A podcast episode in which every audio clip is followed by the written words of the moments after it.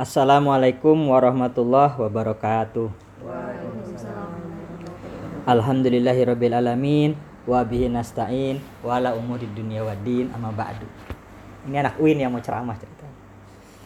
Perkenalkan nama saya Surgana. Eh, malam ini adalah malam yang ke 9 ya. Apa ke 8? Kita sudah melupakan malam ke berapa. tahu Yang pasti hampir setiap malam kita taraweh hanya satu malam yang bocor. Alhamdulillah. Malam ini Papa akan bercerita tentang apa nih diterjemahkannya? Ta? Apa terjemahnya ta? olahraga pikiran Eh, yang ngarang nggak aku baca Mark Freeman. Freeman Mark eh, orang bebas. Di sini dijelaskan 20 itu 21 ya apa 20? 20 langkah untuk meningkatkan kemampuan atau kesehatan mental juga ngecharge, empower kekuatan mental kehidupan sehari-hari kita. Ada fakta yang unik. Itulah kenyataannya. Seperti dalam Islam di- dijelaskan al imanu yajda dua yang kus. Iman itu bertambah kadang berkurang tergantung situasi lingkungan. Demikian juga dengan rasa, dengan bahagia, dengan sukacita, dan juga dengan duka cita. Kehidupan selalu sama. Papa mau tanya adek. Adek kalau kegores tangannya luka berdarah, apa yang adek lakukan? Ah, dibersihin dulu Dibersihin dulu terus di dikasih handyplus. tergantung berdarahnya seberapa Oh, kalau darahnya banyak, dikasih yang di plus Dikasih yang di plus, bukan- pakai tisu ah, pakai tisu. kalau nggak banyak Oh, pakai tisu cukup ya. hmm. Tapi intinya luka gores itu dirawat ya, Hmm. dibersihkan terus ditutup, begitu kan? Hmm. Oke? Nah, mestinya seperti itu juga yang dilakukan oleh kita ketika hati terluka. oh no oh no oh no Perasaan sedang tidak nyaman, ada sedih mendalam, atau merasa kehilangan sesuatu. Apa pun itu, itu disebut sama luka. Dalam kehidupan sehari-hari kita menyaksikan ada orang yang setiap hari keluhannya itu aja. Nggak ada yang berubah. Bahkan dari bertahun-tahun sampai hari ini mengeluhkan hal yang sama. Itu ibaratnya mirip punya luka tergores. Dia tidak bungkus, tidak rawat, tidak rapihkan. Tapi dikorekin terus. Itu seumur hidup jadi borok. Luka itu tidak akan pernah sembuh. Demikian juga dengan luka di dalam hati, di pikiran, dalam rasa. Bagaimana cara mengobati luka pikiran atau luka hati yang paling efektif, yang paling sederhana? Bila luka itu disebabkan oleh yang lain, the other, forgive ya, Iya. maafkan. Makanya dalam Islam eh, apa peribahasa itu dendam itu sama saja dengan menghancurkan masa depan kita. Jadi jangan pernah menyimpan dendam. Ketika ada tersakiti oleh seseorang, disakiti oleh seseorang, bila itu membuat hatimu sangat terluka dan harus melawannya, lawan. Enggak apa-apa. Kalau setelah melawan ternyata oh tidak mampu aku melawan dia, dia terlalu besar untuk dilawan misalnya. Apa yang bisa aku lakukan? Mungkin minta bantuan orang lain untuk mengobati luka itu.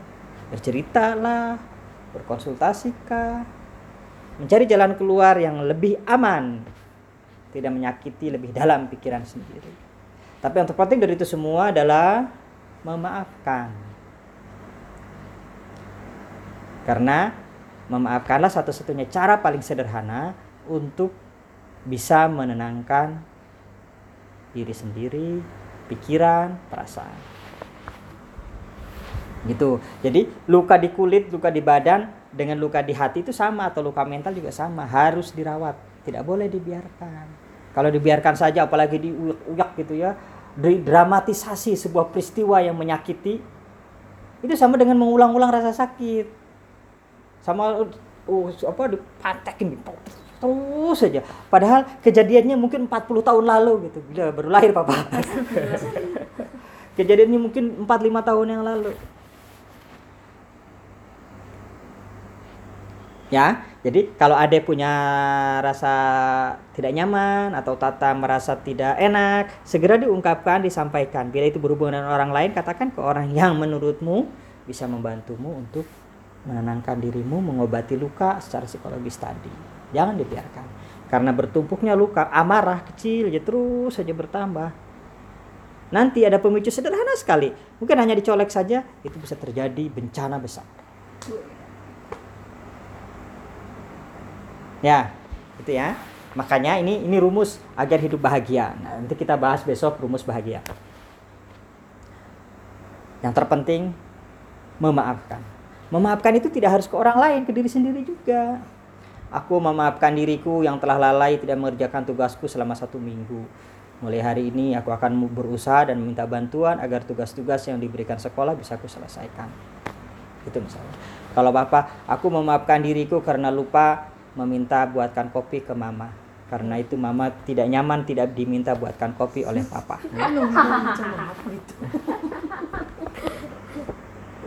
gitu ya ada pertanyaan Hah? nggak ada nggak ada yang nanya? Sudah aja berarti ini? Untung bener. Hah? 7 menit pas. oh ini udah 7 menit pas ya? Bentar ada satu cerita. Ini cerita penting banget. Ceritanya ini bikin lama nih. yang nulis Milan Kundera. Tahu Milan Kundera? Enggak. cari ya itu sastrawan. Dari Latin ya apa namanya? Aduh nama kampungnya. Lupa. Ka Caracas pokoknya di daerah sana Eh, papa kalau dengar nama kota itu berasa eksotis gitu pengen ke kota tersebut. Lupa apa tapi apa namanya. Milan Kundera ini menuliskan sebuah cerita. Ini Pabel deh. Pabel apa Pabel? Cerita.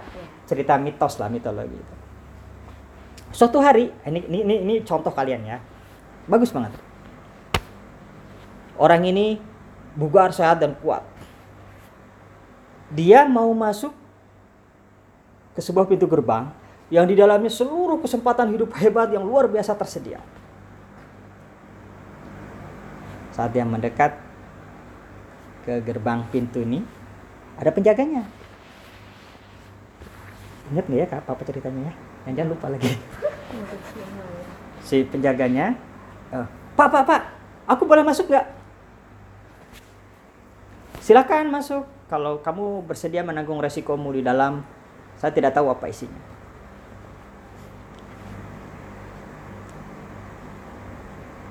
dia nggak jadi masuk. Dia nunggu aja nih masuk nggak ya? Masuk nggak ya? Nggak berani masuk. Sampai tua. Sampai mau mati. Begitu mau mati pak kok nggak ada yang masuk selain saya? Harusnya saya bisa masuk ini. Tapi papa lupa cerita selanjutnya.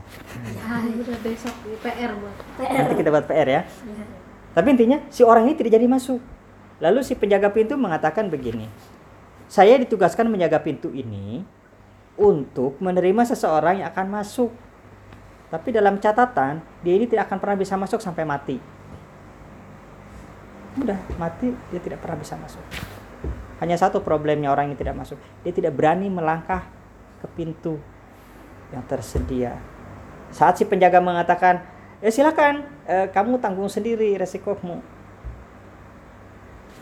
Itulah kehidupan papa atau mama yang sudah tua-tua ini hanya bisa mengatakan kepada kalian yang muda-muda yang anak-anak silakan lanjutkan kehidupan masuk ke sana.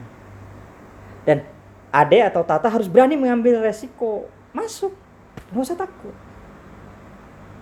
Apa pun yang terjadi di sana pasti menyenangkan. Dengan catatan kalian punya perspektif yang baik tentang memaafkan diri sendiri meminta maaf meminta bantuan membantu dan bahagia. Cara berbahagia yang paling sederhana adalah mengatakan alhamdulillah atau bersyukur. Tidak ada lagi. Kalau misalnya mau cari inilah cari itulah eh, semua itu basis dasarnya tadi. Keberanian kalian melakukannya memaafkan bila merasa ada yang salah atau memaafkan diri sendiri lalu ketika kesulitan meminta bantuan, ketika cukup mampu memberi bantuan, dan bersyukur atas semuanya. Demikian untuk cerita Milan Kundera, Papa baca lagi besok ya. Karena yang mirip-mirip begitulah ceritanya. Tapi Papa mau ceri- ceritanya clear. Ah? PR. PR ya besok ya. Terima kasih. Wassalamualaikum warahmatullahi wabarakatuh. Apa yang jatuh? Hah? Mulia panjang itu? Iya. Ya Allah. Cepet kapan? Gak tahu.